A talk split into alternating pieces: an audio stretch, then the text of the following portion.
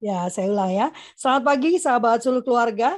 Selamat bertemu kembali dalam Kultur Parenting Pagi edisi hari Jumat. Thank God it's Friday. Hari ini tanggal 18 Februari uh, 2022. Dan pagi ini uh, uh, saya membaca beberapa usulan topik dan muncul topik yang menurut saya menarik dan dekat di hati saya karena saya tidak suka menyampaikan sesuatu yang saya tidak punya pengalaman personal dengan hal tersebut. Uh, topik pagi ini adalah membesarkan anak. Salah satu anak saya ada di sini ya, Kak Deli ya. Membesarkan anak laki-laki tanpa tanpa ayah. Kenapa saya pilih anak laki-laki? Karena nanti kalau anak perempuan banyak yang mengatakan oh, oh eh, perempuan mah nggak perlu kak karena itu ada ibunya gitu ya.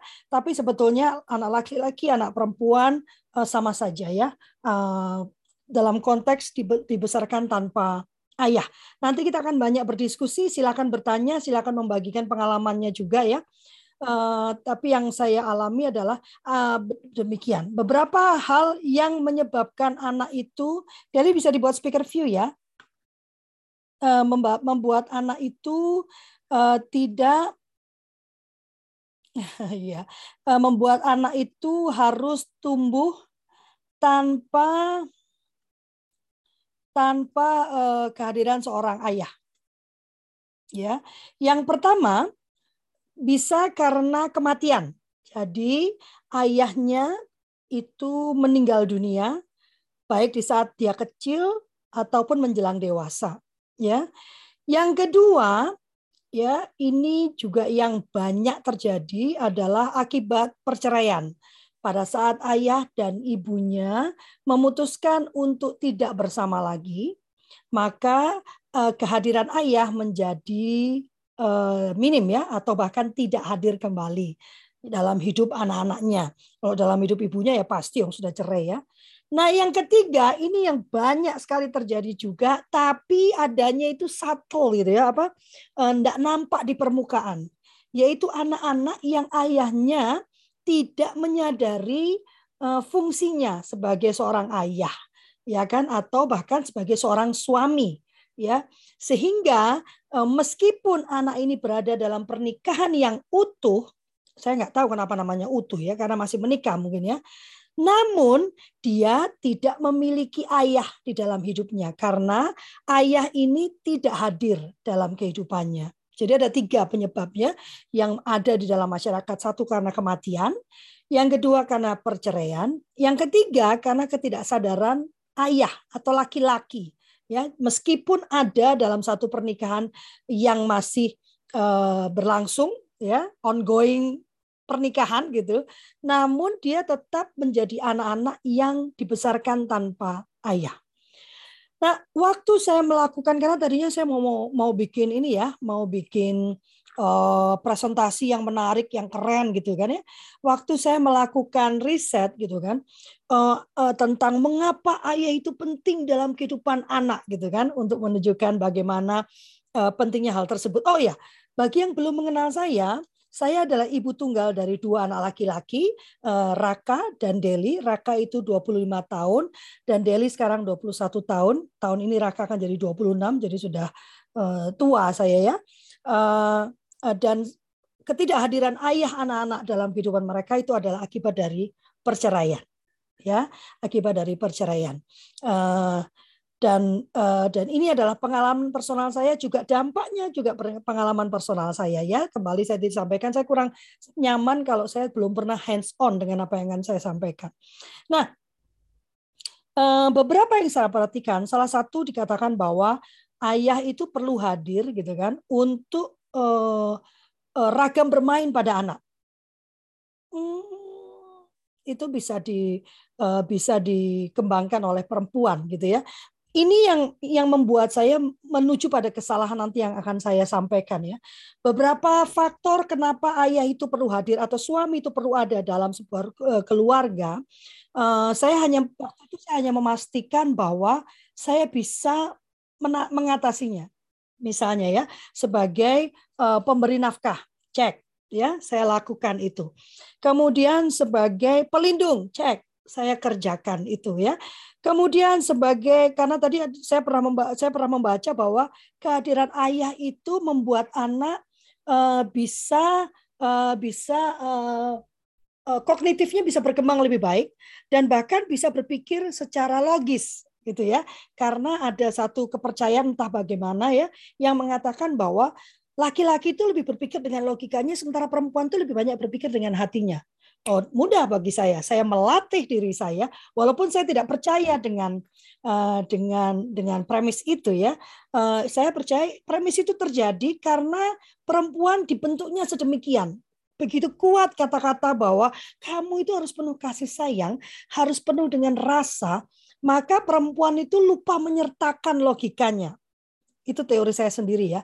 Karena pada saat saya kemudian menjadi ibu tunggal sendirian, saya kemudian melatih diri saya untuk benar-benar membasiskan membasiskan diri saya, melandaskan diri saya terhadap logika.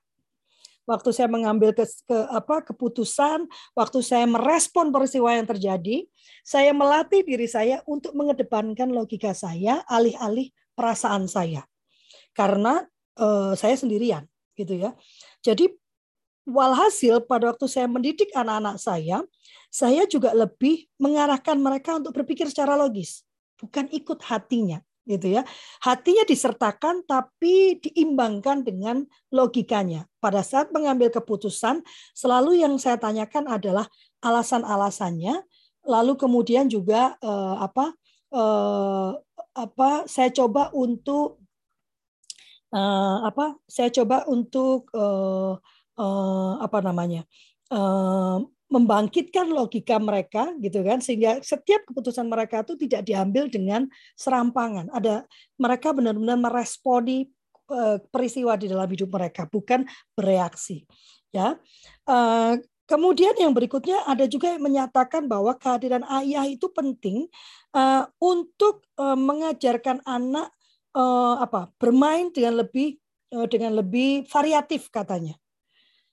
Ini juga pada saat saya menjadi ibu tunggal, saya berusaha karena memang sejak pernikahan saya pun sebetulnya ayah mereka tidak terlalu uh, hands on ya di dalam uh, di dalam pertumbuhan mereka sehingga sejak saya uh, uh, apa uh, punya anak itu saya berusaha saya baca semua buku parenting, tidak semua ya, sebanyak mungkin buku parenting. Kemudian saya latih diri saya agar saya bisa menjadi apa yang dikatakan buku parenting tersebut. Jadi kalau dikatakan kalau ada ayah itu dia adalah pelindung buat anaknya, cek ya perempuan pun bisa melakukan itu. Kalau ada ayah itu dia menjadi uh, uh, apa uh, sumber pendapatan bagi uh, ayah bagi anak-anaknya, Cek, perempuan juga bisa melakukan itu. Yang ketiga, bahwa bisa melatih logika. Cek, saya bisa perempuan juga bisa melakukan itu. Bahwa dengan anak-anak maka tumbuh kembangnya lebih maksimal karena uh, bisa di uh, di apa di di distimulasi dengan baik, cek perempuan juga bisa melakukan itu. Bahwa dengan adanya laki-laki itu maka uh, anak itu uh, bisa berkembang lebih optimum cek perempuan juga bisa melakukan itu. Nah yang ingin saya sampaikan maka tadi pertanyaan jadi apakah berarti kita itu memang tidak perlu laki-laki itu uh, yang pertama gitu ya karena toh semua perempuan bisa lakukan. Yang saya luput ya dan ini perlu saya minta maaf pada dua anak saya ya adalah bahwa laki-laki itu amat sangat penting dalam kehidupan anaknya, baik itu anak laki-laki maupun anak perempuan, terutama pada anak laki-laki. Tapi penelitian terbaru menunjukkan anak perempuan pun memiliki dampak yang cukup buruk pada saat ayah itu tidak hadir dalam kehidupannya ya. Tapi yang saya gagal atau yang saya luput dalam pendidikan anak saya itu adalah fakta bahwa saya tidak bisa memberi contoh pada mereka bagaimana laki-laki berpikir. Karena meskipun saya berusaha menjalankan apa yang dijalankan oleh laki-laki karena saya sendirian, tetapi saya tidak bisa menjadi laki-laki. Dalam artian, cara otak laki-laki bekerja dan cara otak perempuan bekerja itu berbeda. Karena kita memang berbeda ya. Nah, ini yang tidak bisa saya kerjakan.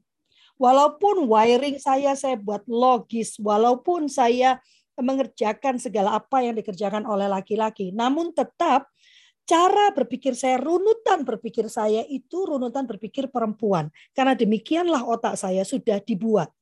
Ini yang membuat saya kelabakan dulu dan mencari sosok laki-laki bukan suami ya karena eh, apa saya tidak tidak mengatakan bagi yang kemudian sekarang ibu tunggal segeralah menikah kembali. Karena segera menikah kembali pada saat kita belum benar-benar pulih, kita belum benar-benar memahami dan menyadari kalau dalam bahasa uh, agama saya itu belum belum benar-benar uh, apa uh, uh, bertobat. Karena bertobat itu kan berbalik dari segala apa yang dulu dikerjakan. Artinya kalau dulu kita menikah belum siap ya karena kita belum pulih, kita belum sembuh, ya kan maka jangan langsung masuk ke pernikahan lagi karena itu akan menjadi beban buat anak-anak Anda. Dan ini yang menyebabkan saya menunda untuk menikah kembali. Uh, yang berikutnya adalah ternyata dengan saya mengerjakan semua, anak-anak saya itu kebingungan ya saat sekarang mereka menjadi dewasa. Pertanyaan-pertanyaan mereka itu adalah pertanyaan-pertanyaan kebingungan. Sebetulnya kemudian tugas saya sebagai suami atau sebagai ayah itu apa ya, Ma? Karena dia tidak pernah melihat uh, seorang lelaki atau seorang per, atau seorang lelaki eh, bagaimana seorang lelaki itu kemudian bertindak di dalam konteks pengasuhan. Kalau dalam konteks uh, hubungan antara dia dengan pacarnya gitu ya, uh, saya berusaha mengajarkan hal-hal yang uh, waktu saya masih menikah, saya rasa sesuatu yang uh, uh, sulit saya dapatkan dari mantan suami saya gitu kan. Uh, bukannya ini ya bukan I love you every day dibelai-belai bukan itu ya. Tapi empati uh, kemauan untuk menunjukkan rasa ya uh, untuk menyatakan kasih untuk kemudian merendahkan hati dan menyatakan uh, membutuhkan uh, kehadiran uh, perempuan atau istrinya itu yang yang dulu itu menjadi beberapa sumber kesulitan gitu. Dan itu yang saya coba ubahkan dalam anak-anak saya menariknya anak-anak saya tidak tumbuh dengan sempurna gitu ya. E, meskipun saya berusaha keras mengerjakan semua apa yang perlu dikerjakan seorang ibu dan seorang ayah. Ya kan? E, ternyata anak-anak saya kehilangan hal-hal yang harusnya dia dapatkan pada saat ada sosok laki-laki atau ayah yang hadir dalam kehidupan mereka. Anak-anak saya itu menjadi punya trauma tersendiri atas uh, kepengasuhan gitu ya. Jadi mereka selalu mengatakan bahwa uh, karena engkau bekerja begitu luar keras gitu ya, karena komitmenmu yang begitu luar biasa, kami jadi berpikir gitu. Kalau kami nanti punya anak, kami harus mampu memberikan komitmen yang sama dengan yang mama berikan. Uh, kenapa ini jadi uh, apa bagi saya ini jadi masalah? Karena kemudian tidak dia tidak melihat adanya penyeimbang, keseimbangan komitmen seolah-olah segalanya berat di satu pihak. Dan kalau satu eh, satu beban itu ditanggung oleh satu pihak memang terasa sangat menakutkan ya. Jadi anak-anak saya melihat bahwa memiliki anak itu ternyata perlu komitmen yang sangat amat besar gitu kan. Sesuatu yang dia tahu dia harus uh, match dengan ibunya yang memberikan komitmen. Saya tidak sedang membesarkan diri ya karena ini yang menjadi uh, diskusi saya dengan anak-anak. Lalu saya katakan berarti harusnya mama uh, less committed gitu supaya kalian tidak menjadi trauma.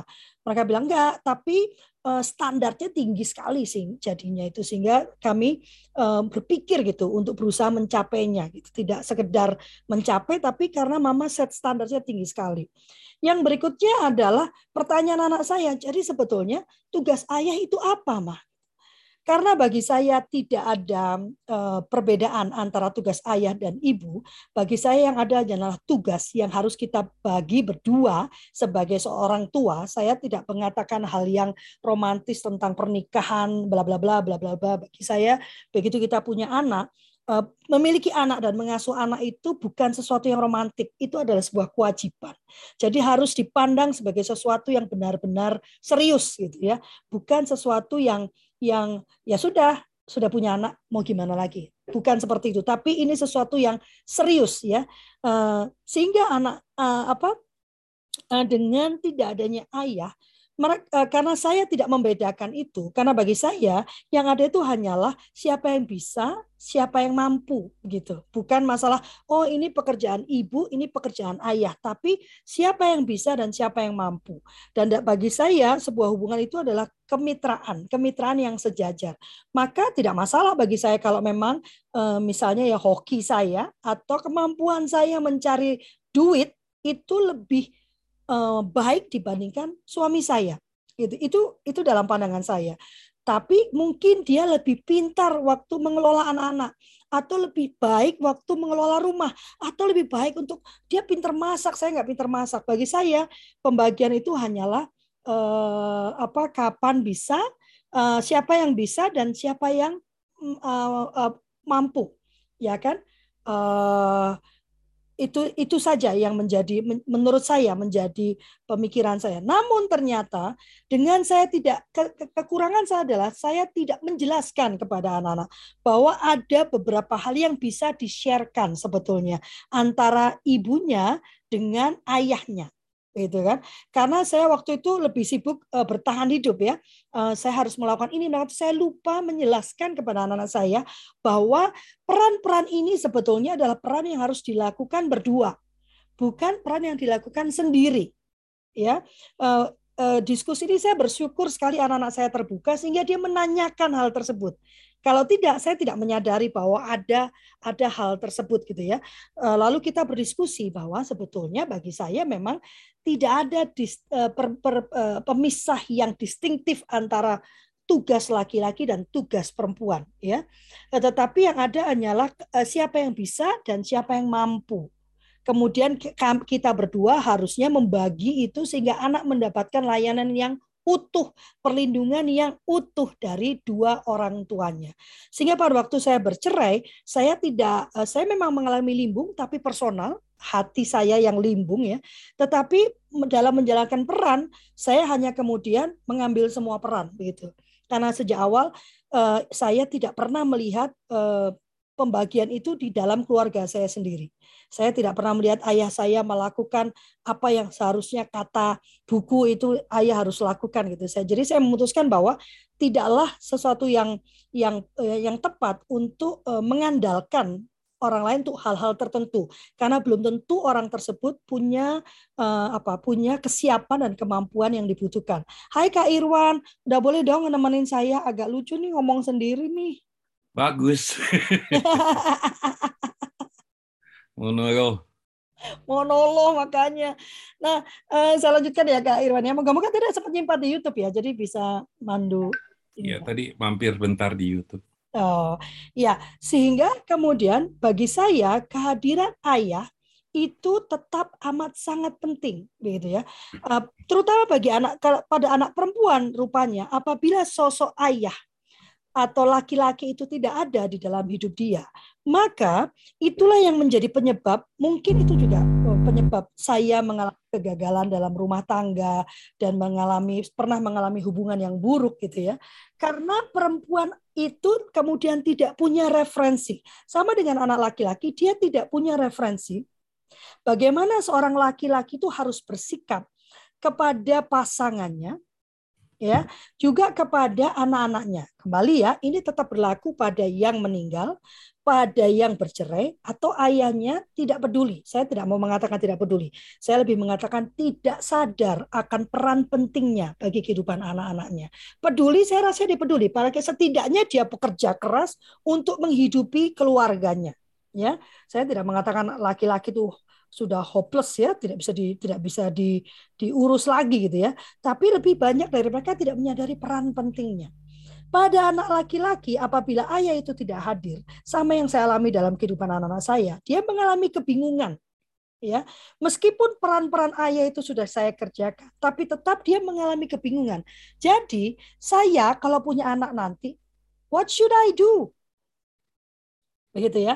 Karena dia tidak punya tauladan. Baik itu yang ada hanya ketidakhadiran ayah. Dan itu menimbulkan kemarahan yang cukup besar bagi anak-anak ya ayah-ayah yang tidak hadir itu menimbulkan marah yang besar terhadap anak tapi kebanyakan karena anak itu tidak diberi kewenangan untuk mengucapkan apa yang dia rasakan, maka dia pendam dan itu menjadi bom waktu. Itulah mengapa dari semula saya um, mendidik anak-anak saya uh, untuk punya keterbukaan. Anda, kamu bisa ngomong sama mama tentang apa saja, and I will not get angry, gitu ya, karena kemarahan tidak pernah menghasilkan sesuatu yang baik. Nah, lalu bagaimana dengan dengan ketidakadaan laki-laki ini? Apakah kemudian para janda harus segera menikah lagi gitu ya? Yang mana malah kebanyakan membawa pada keburukan kalau dikatakan segera dan seharus segera gitu ya. Kalau enggak nanti siapa yang ngurusin? Kalau enggak nanti siapa yang melindungi begitu ya. Tetapi bagi saya uh, proverb uh, apa uh, yang dikatakan di Afrika bahwa it takes a village to raise a child gitu kan perlu sekampung untuk membesarkan anak itu berlaku kalau dalam Islam itu namanya berjamaah ya gitu ya. Saya senang kata berjamaah tapi sering kali penggunaannya malah salah gitu ya. Berjam, saya melihatnya apabila para lelaki ya semua menyadari peran pentingnya sebagai seorang ayah di dalam kehidupan anaknya.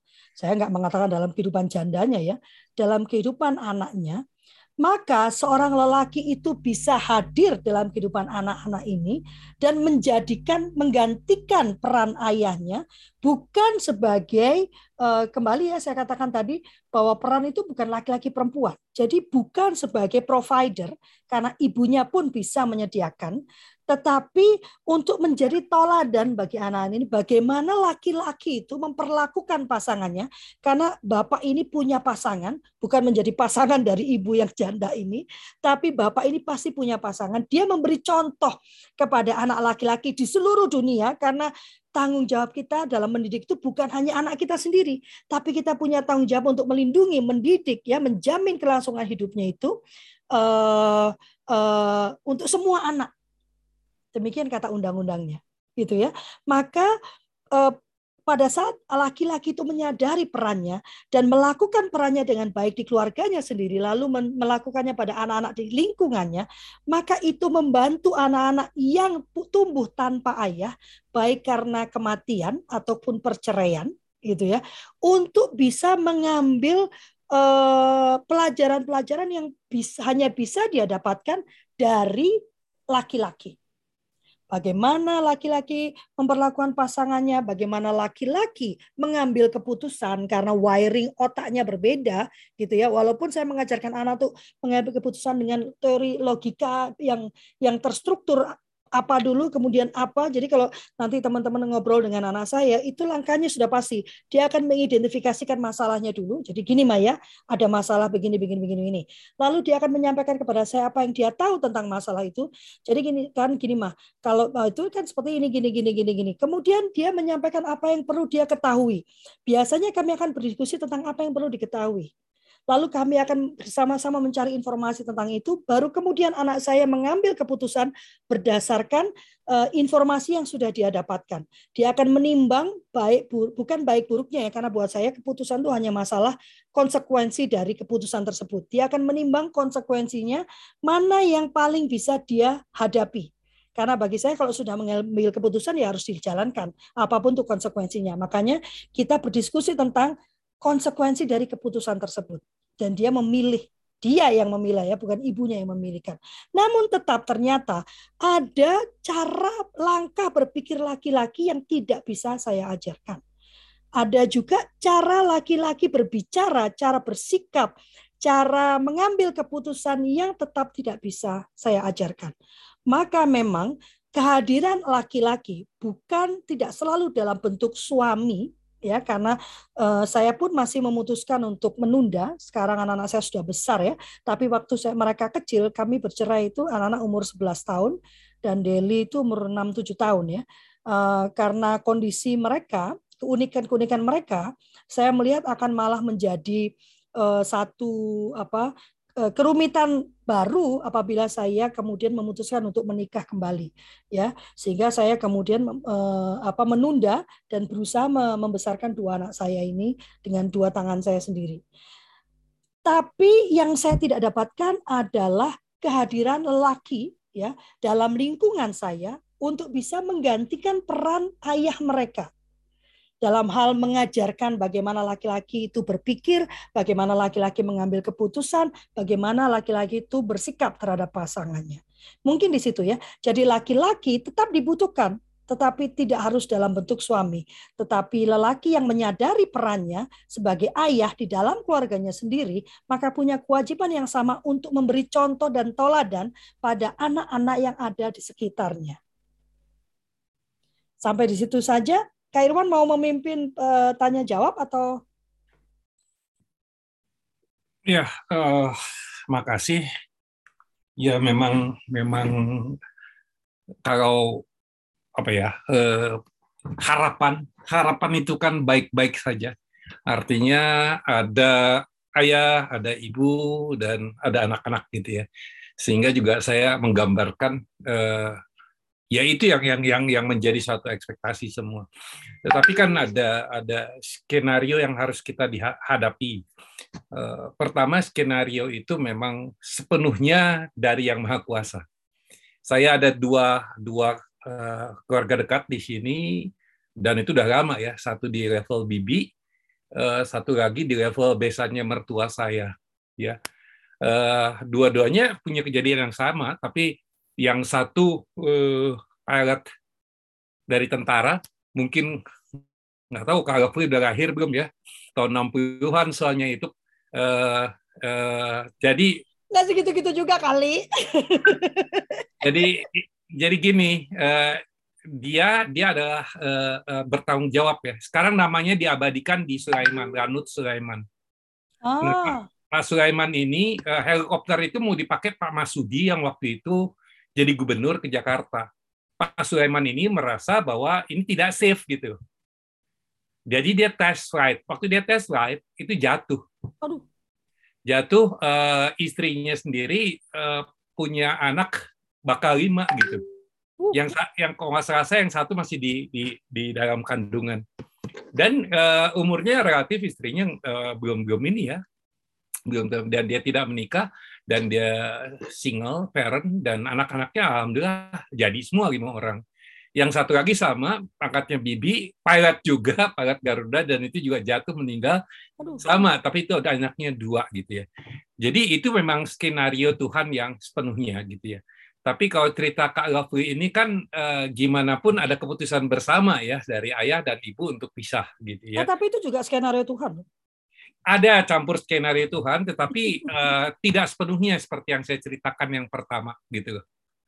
Ya kan, jadi kar karena ini ada campur eh, ada campur skenario kita juga ada gitu ya. Jadi skenario Tuhan tentunya ada. Nah, ada eh, setelah itu apa yang harus kita perbuat di sini? Ya, itu kan sebetulnya kan setiap orang dikasih masalah, tetapi bagaimana kita bisa mencarikan solusi yang terbaik untuk masalah itu. Jadi opsi-opsi yang yang di, di, diberikan nama Kak Lovely, eh, apa aja tuh kawin lagi. Atau tetap Enggak, saya nggak memberi solusi kawin lagi.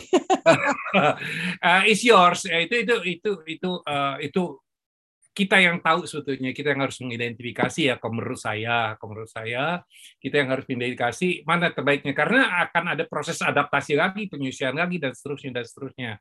Uh, tapi saya hanya mengingatkan pelajaran yang saya pernah terima uh, dari Elizabeth Harlock itu udah lama banget tahun 76 gitu ya ada bukunya tentang uh, uh, tentang psikologi perkembangan dikatakan bahwa marital adjusted itu depend on gitu ya.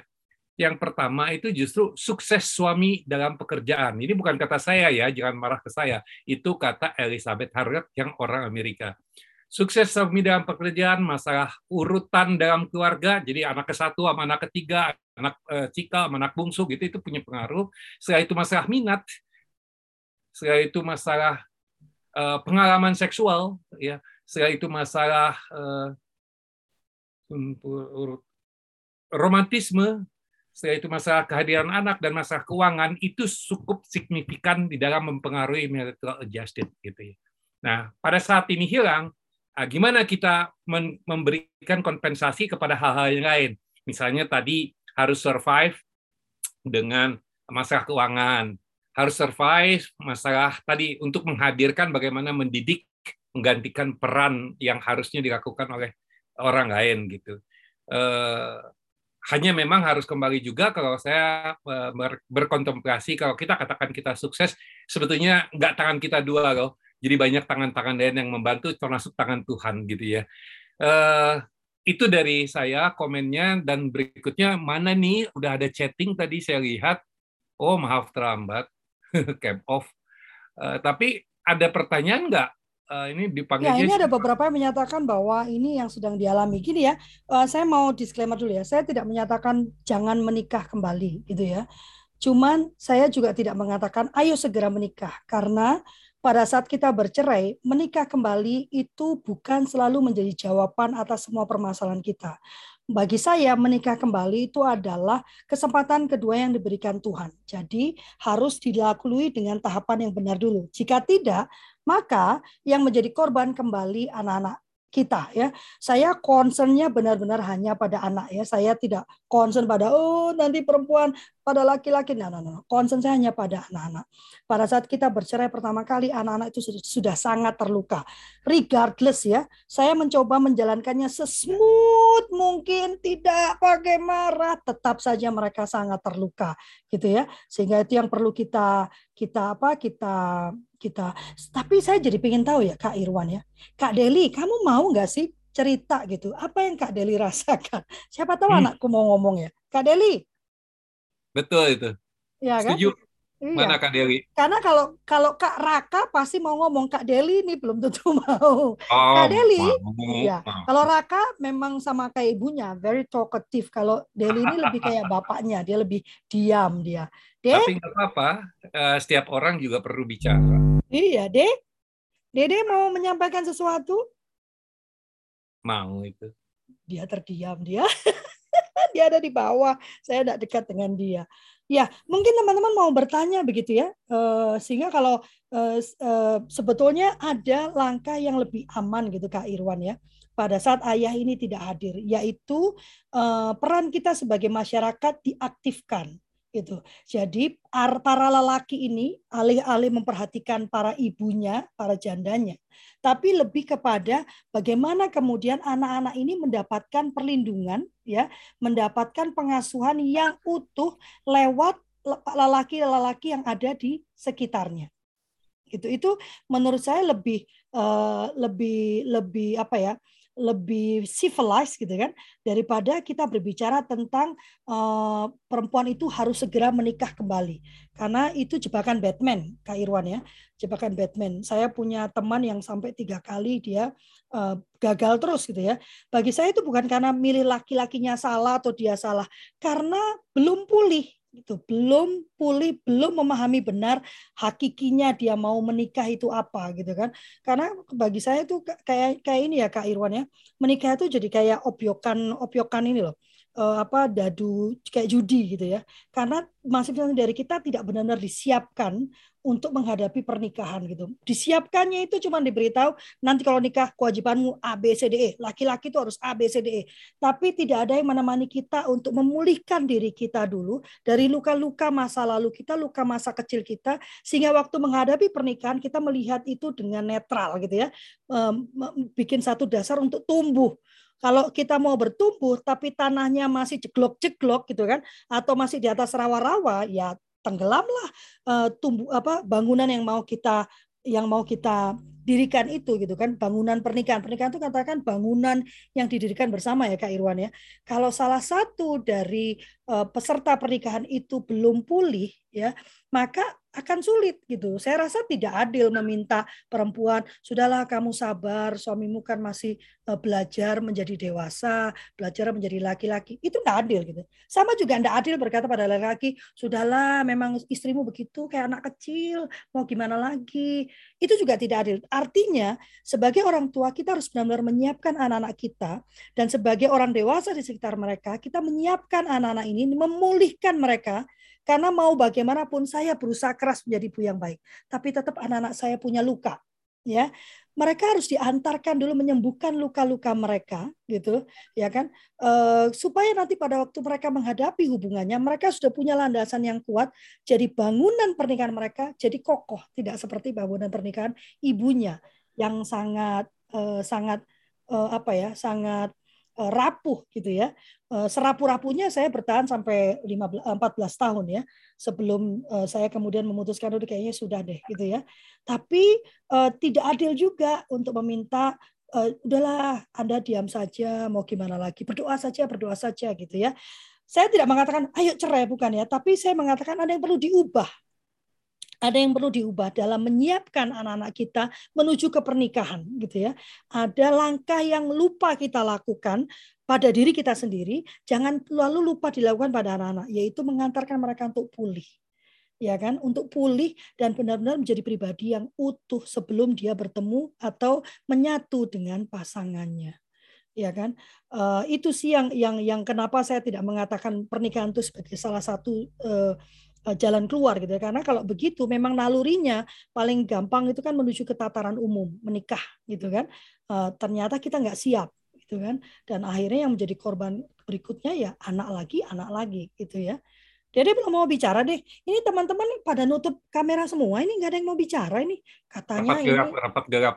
Iya, katanya ini topik yang ini. Oh, mungkin lain kali dia sedang manasin sarapan.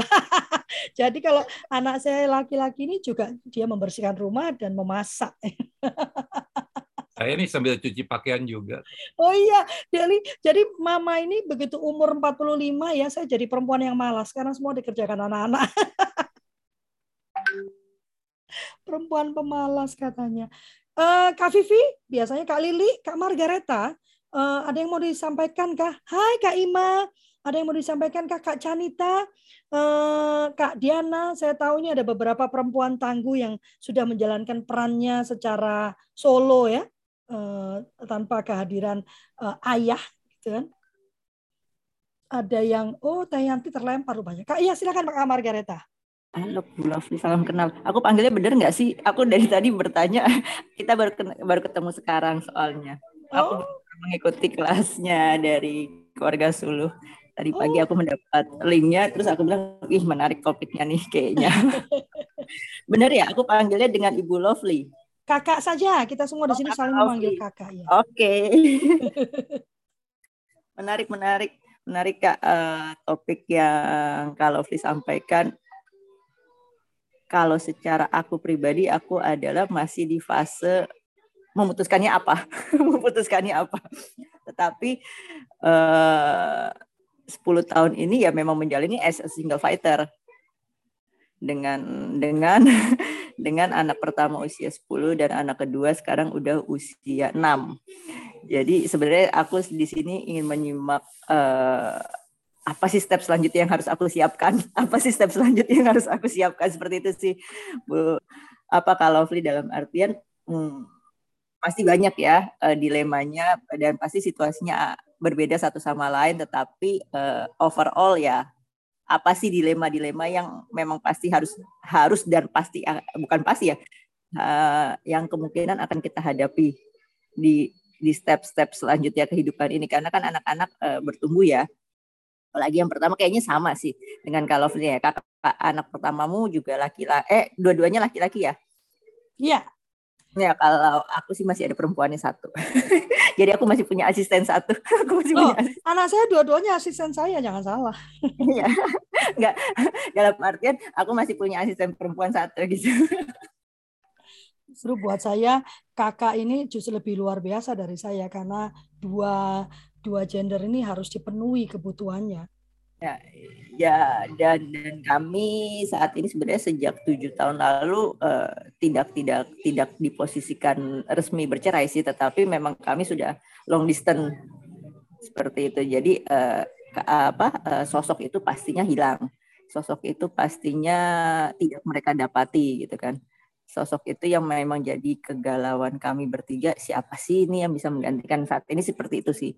Jadi kami menyadari hal itu kami bertiga menyadari hal itu tetapi ya inilah step yang apalagi sih yang perlu kami siapkan untuk kami bisa survive di kehidupan ini. Paling itu sih kak. Kalau saat ini yang kak lagi lagi pergumulkan atau sedang digalau-galaukan. Tapi overall ya ya melewati hari demi hari sih cukup bisa lah ya gitu Iya. Oke, begitu Kak Lovely. Ya, kebayang awal-awal saya waktu anak-anak masih kecil ya. Uh, jadi memang perjuangannya luar biasa. Di, di samping itu, uh, ini curhatan dan semoga menjadi satu perubahan ya. Jadi kemarin saya menuliskan di Facebook saya juga kan betapa kita ini sebetulnya masih suka mengkastakan orang ya, suka menempatkan orang pada level-level tertentu. Dan orang seperti saya ini yang bercerai, ya kan? Saya bercerai, saya yang meminta perceraian itu, walaupun uh, suami saya yang kemudian mantan suami saya yang kemudian mengajukan perceraian, lalu kemudian suami, mantan suami saya sudah menikah kembali, sudah punya anak, saya masih sendirian. Jadi kalau di dalam kasta itu tuh saya paling bawah aja ya, udah busuk-busuknya perempuan aja gitu ya. Uh, sehingga perjuangan untuk melawan itu juga luar biasa. Kalau Kak Margareta ingin tahu ya waktu anak-anak saya umur 11, 12, 13 itu di awal-awal kami tinggal di itu sebabnya saya tidak pernah mau tinggal di tempat yang yang berdempetan ya karena kami tinggal di tempat itu dan uh, pergumulan anak saya setiap hari, setiap hari Kak Irwan, karena saya sendirian ya saya harus cari uang uh, pontang-panting ya. Uh, uh, apa uh, setiap hari itu dia dipanggil sama tetangga-tetangga dan ditanya, ibumu itu pelacur ya? Kok pulangnya malam-malam kayak gitu, pagi-pagi sudah pergi lagi. Dia melacur di mana sih gitu? Gitu ya, bahkan sampai ke ke telinga ibu saya gitu ya. Apa mamamu itu bikin malu aja uh, kok sampai dibicarakan tetangga jadi pelacur gini-gini gitu ya. Itu satu hal yang biasa banget. Sehingga waktu kami eh, anak-anak sudah besar dan saya mengalami hal itu juga, anak saya bilang, wah lama bukannya dari dulu sudah begitu ya. Orang akan berbicara apa yang dia mau katakan. Gitu kan. Dan dia selalu bilang, nggak usah dengerin orang lah. Kemarin ya, eh, bulan lalu Pak Irwan ya, saya nangis ya.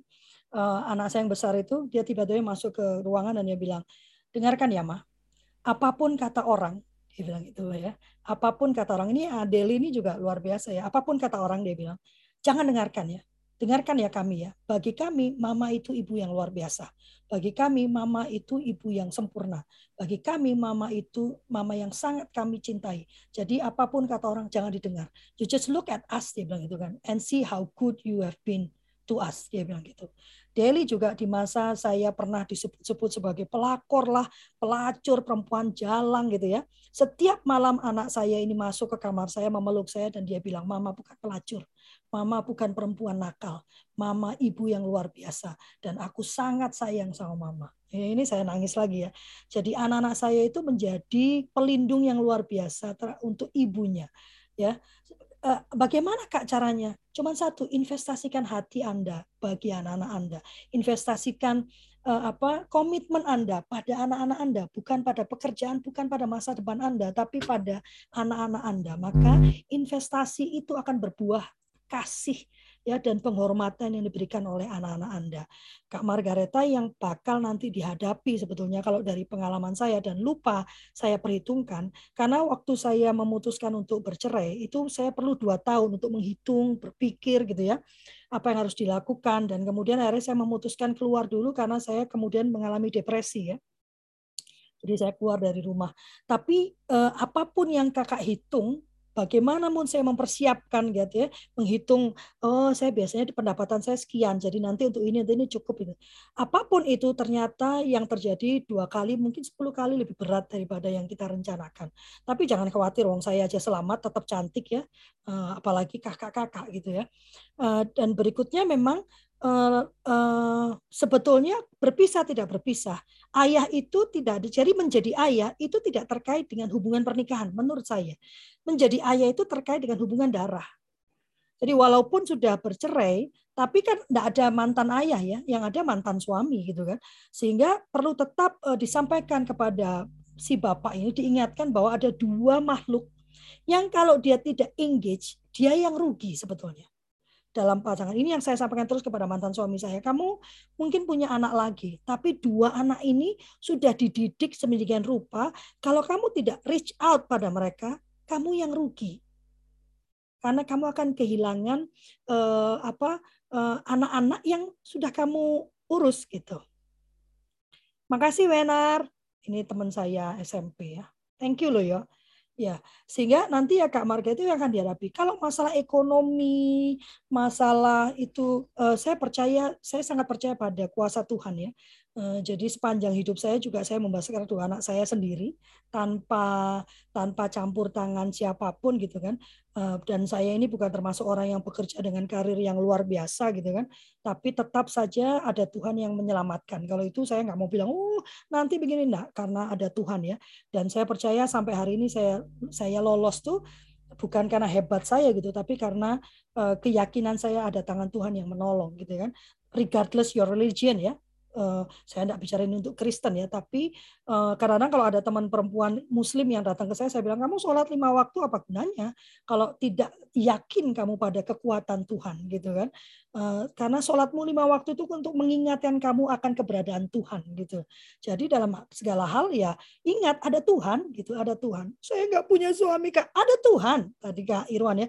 Kalau kak Irwan ada saat apa tadi mengatakan salah satunya Tuhan. Saya bukan salah satunya Tuhan faktor eksternal saya cuma satu, Tuhan gitu kan. Cuman Tuhan saja faktor eksternalnya gitu kan. Dan hanya bergantung sama dia saja gitu. Tapi cara Tuhan bekerja, dia mengirimkan orang-orang kepada kita. Coba ya, eh, saya tidak pernah bertemu dengan Pak Irwan. Ya kan? Dan lingkaran kami itu enggak ada enggak ada nyampur-nyampurnya ya Pak Irwan ya. Ya Kak Irwan ya. Enggak ada singgungannya sama sekali gitu kan. Dan kami eh, belum pernah bertemu secara secara offline ya, secara fisik, tapi saya merasa sangat dekat dengan Pak Irwan. Gitu ya. Saya bahkan sekarang memanggil kakak. Ini brigadir jenderal. Iya kan? Iya kan? Tidak semua orang punya privilege untuk memanggil beliau kakak. Loh ya tapi tetap loh Pak Irwan ya. Tidak semua orang punya privilege memanggil dia kakak. Dan sekarang Pak Irwan, berkat Kak Irwan ini, banyak jenderal-jenderal itu kan saya bagi juga nilainya. Dia menjawab, terima kasih Kak Lovely heb, uh, apa sukses Kak Lovely. Coba.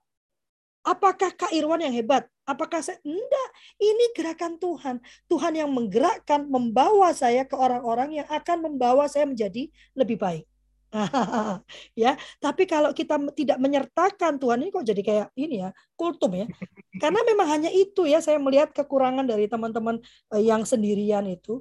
Nanti saya gimana Kak? Nanti saya gimana Kak? Ada Tuhan. Bagi saya memang benar. Menikah pun lalu cerai itu kan ada ada ada keegoisan kita dalam membuat keputusan ya Kak Irwan ya. Ya kan? Mungkin Tuhan sudah berbisik bukan ini bukan ini tapi kita ngotot karena landasannya cinta. Makanya penting untuk menemani anak-anak kita memilih langkah pernikahannya. Supaya dia tidak memilih berdasarkan cinta tapi berdasarkan apa yang Tuhan mau Nah, ya kan? Kalau itu yang Tuhan mau, baru kita bisa minta pertanggungjawaban ke Tuhan. Eh, kan Tuhan yang pilihkan, kok Tuhan yang Tuhan nggak pelihara kami gitu ya. Kalau kita yang milih ya masa kata Tuhan ya kamu yang milih kok aku yang suruh melihara katanya gitu ya. Jadi panjang-panjang ya. Cuma jangan khawatir Kak Margareta. Akan dihadapi macam-macam Kak Margareta ya. Termasuk pandangan orang. Dalam kesempatan ini saya mengajak teman-teman untuk lebih ramah dan berhenti menghakimi ya perempuan-perempuan yang sendirian. Apa pun masalahnya jangan dihakimi gitu ya. Karena eh, para perempuan ini membutuhkan bantuan setidaknya untuk mengasuh anak-anaknya ya. Bukan keuangan. Kalau keuangan buat saya perempuan tidak perlu dikasihani ya gitu ya. Tapi ada bagian yang tidak bisa dikerjakan oleh perempuan yaitu memberi contoh pada anak bagaimana laki-laki itu bersikap tentu bukan sikap yang buruk gitu ya, tapi sikap yang baik, sikap yang sesuai dengan apa yang diajarkan oleh agamanya. Benar kan Kak Irwan? Ya kan? Anak saya tidak punya ayah, tapi andaikan saya dekat dengan Kak Irwan, saya punya satu teman perempuan ya, eh, moga-moga dia juga lagi nonton ya, yang Kak Irwan yang mengenalkan ya.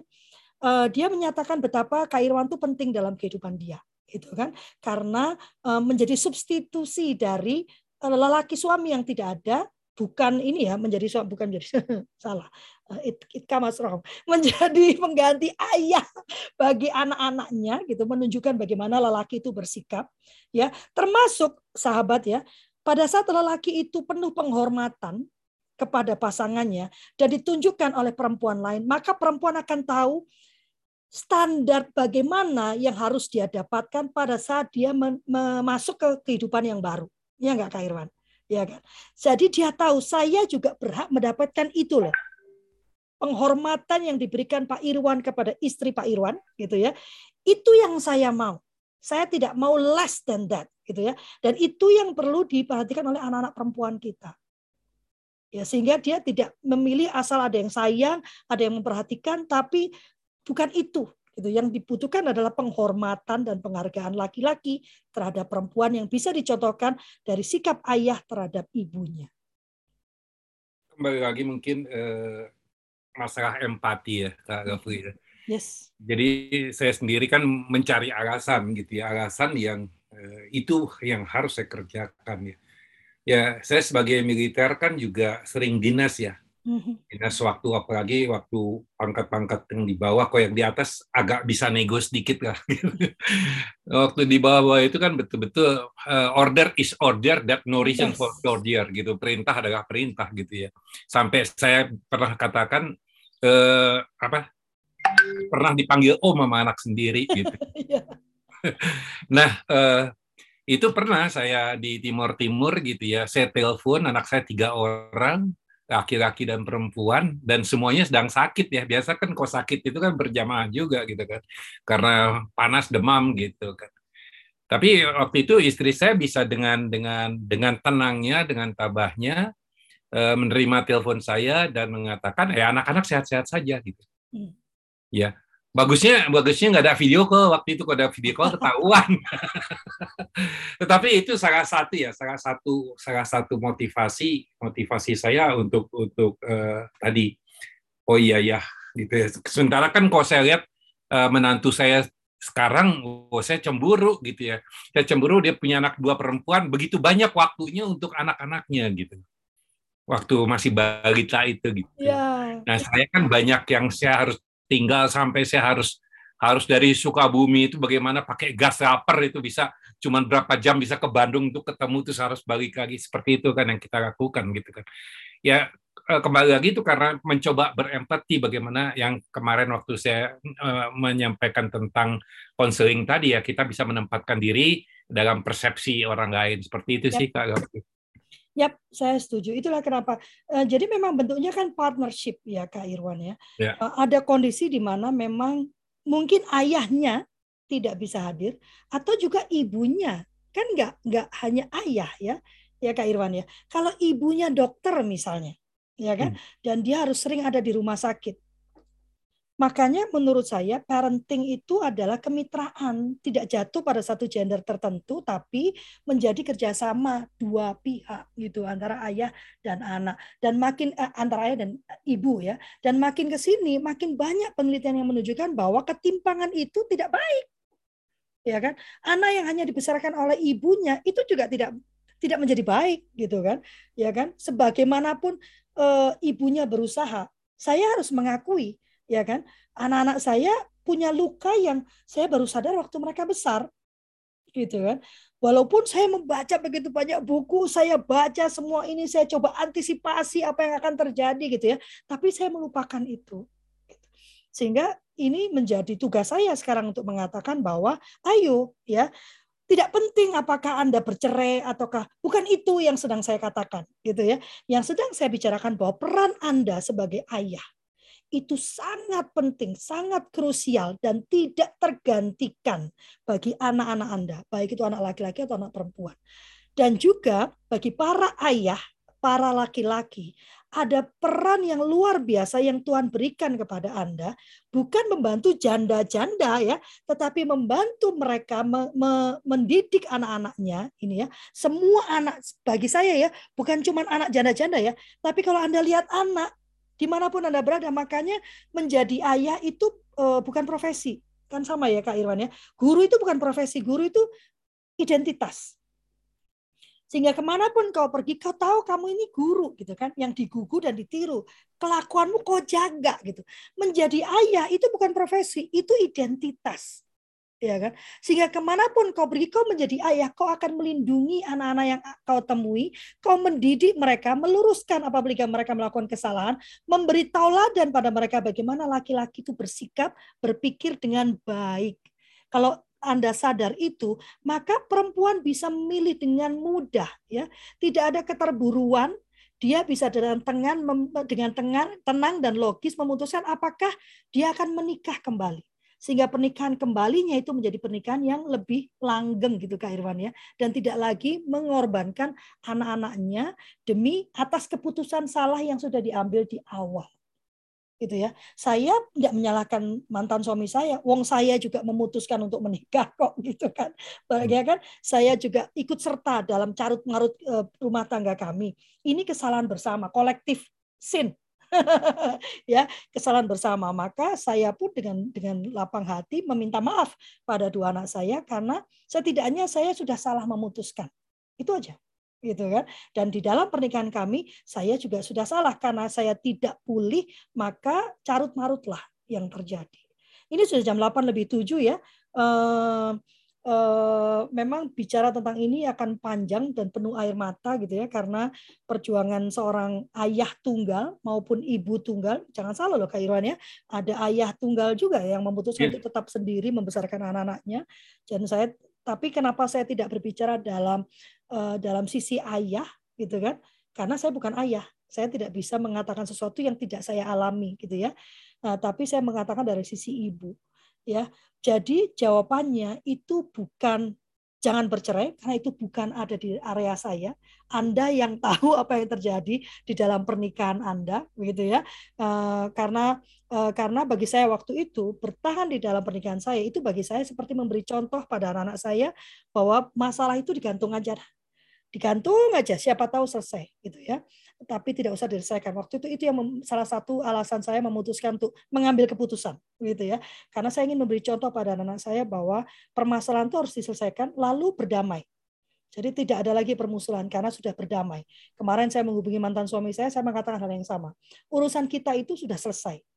Kita sudah bercerai. Maka tahap berikutnya adalah kita tetap menjadi keluarga demi anak-anak kita dan puji Tuhan dia menyetujui itu. Maka mari kita bersikap dewasa dan tidak lagi uh, bersaling berkelahi karena sudah selesai urusan kita. Urusan kita adalah anak-anak kita. Jadi gitu ya. Jadi jawabannya adalah mari laki-laki bangkit pahami bahwa peran Anda sangat penting bagi anak-anak ya. Uh, dan sebelum Anda punya menjadi ayah, jadilah ayah dulu sebelum menikah bahkan gitu karena Anda juga punya anak-anak di dunia ini gitu ya It takes a village to raise a child. Sama dengan perempuan. Anda bukan cuma ibu buat anak yang Anda lahirkan.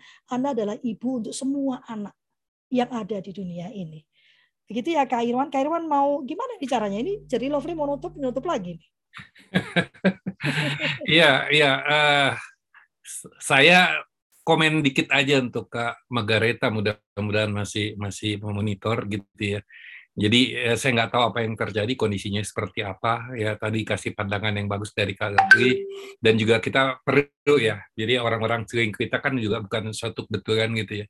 Jadi juga saya belajar dari dua barusan teringat dari dua kawan dekat saya gitu yang dia uh, dia dia dia pisah dia mencoba menikah lagi dan ya ternyata alhamdulillah pisah lagi gitu pisah lagi uh, walaupun ada juga yang Eh, pisah yaitu menikah uh, pisahnya karena Tuhan karena dipanggil Tuhan gitu dan ya. dia menikah lagi uh, tapi kalau Gafri tadi ya walaupun kata Kak Gafri ada ada ini saya nggak punya data-data penelitian tetapi apa yang saya temui banyaknya kalau perempuan yang lebih banyak bertahan dengan sendiri sebagai single parent dibandingkan dengan laki-laki. Laki-laki betul. Ya, laki-laki itu ada yang udah senior saya, udah sepuh banget gitu loh ya kan ibaratnya. Tapi dia nggak kuat sendirian. Dia nikah lagi walaupun uh, nikah lagi itu untuk teman ya. Hmm. karena anak-anaknya udah besar semua udah. Dia dia perlu teman. Itu aja dan akhirnya kembali ya saya kata-kata ada saksi yang saya saya ya memang Tuhan itu campur tangannya luar biasa tapi sebagai akhir tapi effortnya ikhtiarnya itu tetap pada kita. Uh, there's only one colors of the universe you can be certain of improve that your own self gitu ya jadi semesta alam ini yang bisa certain kita improve itu adalah diri kita sendiri. Mungkin itu aja. Makasih. Yes, tepat. Yes, ya. Uh, kita akhiri pagi ini jam 8 lebih 11. Hari Senin kita akan berkumpul lagi ya. Uh, saya akan coba uh, lowerkan pengamanan di hari Senin. Kita lihat apakah lebih banyak yang mudah masuk ya Kak Irwan karena memang yeah. uh, saya double keamanan ya Uh, karena saya agak ngeri. Silakan mengisi absen ya teman-teman dan mari bergabung dengan Suluh Keluarga hanya dengan 150.000 per tahun uh, Anda bisa mendapatkan 12 kali pertemuan. Loh kan saya juga bisa walaupun nggak bayar. Bedanya adalah kalau 8 kali Anda ikut uh, uh, kultur parenting pagi, Anda mendapatkan sertifikat bulanan ya. Itu sebabnya Kak Deli ngotot banget nih nguru, uh, ngirimin apa ngirimin apa ngirimin absen ya karena dia yang bertugas menghitung. Yang sudah 8 kali ikut Kak Deli akan menghasilkan mengeluarkan sertifikat ya. Saya, mari ikut juga uh, Sulu Muda ya pelatihan uh, terstruktur dan berjenjang ya. Sekarang saya sudah masuk ke Sulu Madya batch kedua ya tapi Suluh Muda 175.000 Anda dapat 7 modul bagaimana dasar-dasar parenting di dalam suluh keluarga baru masuk ke Suluh Madya 16 modul 800.000 eh, eh, dibedah tahap per tahap eh, tahap perkembangan anak itu sehingga nanti Anda bisa menjadi konsultan bagi keluarga Anda dan bagi keluarga lain. Pelatihan akan dilaksanakan juga, mohon maaf kemarin saya sakit jadi banyak yang uh, tertunda ya, tapi bulan uh, bulan Maret ini akan ada pelatihan untuk disleksia. Saya akan segera mengeluarkan apa flyernya ya. Terima kasih banyak teman-teman atas kehadirannya. Saya memohon maaf yang sebesar-besarnya apabila ada pernyataan, perkataan, gestur yang kurang berkenan. Saya tidak bermaksud merendahkan, saya tidak bermaksud menghina, saya tidak bermaksud menghakimi ataupun menggurui. Saya hanya ingin membagikan apa yang menjadi keyakinan kami dan yang kami kerjakan dalam kehidupan kami sehari-hari. Terima kasih banyak. Happy weekend. Wassalamualaikum warahmatullahi wabarakatuh. Oh ya foto. Untung ditunjukkan itunya lupa. Terima kasih ya Kak Lovely. Ya, kita Sehat foto selalu. dulu. Keluarkan hatinya. Satu Kak Deli ya. Satu, dua, tiga. Sudah? Sudah. Kak Margareta kalau mau diskusi personal silakan WhatsApp ke Lovely ya. Saya memang senang. Ya, aku belum punya nomornya Kak Lovely. Nanti kan? minta tolong. Uh, aku udah isi form. Nanti minta tolong di malah Kak Lovely yang nge aku. Oh gitu. aku nggak punya nomornya. Aku nggak punya nomornya Kak Lovely, sorry. Oh oke okay. oke okay, nanti Kak Deli tolong dicek ya. Nanti terus langsung. Thank you Kak Lovely ya. Ya. Thank you. Oh, thank you, okay. thank you. Gak dengar. Oke, terima kasih. Sampai bertemu lagi. Wassalamualaikum warahmatullahi wabarakatuh. Tuhan memberkati. Kak Vivi, thank you. Thank you Kak Irwan, Kak Lovely. Thank you Kak Chan. Kak Chan, bagus kan kayak Kak cantik Kak Chan. Thank you. Thank you. Thank you. Yuk. Baik.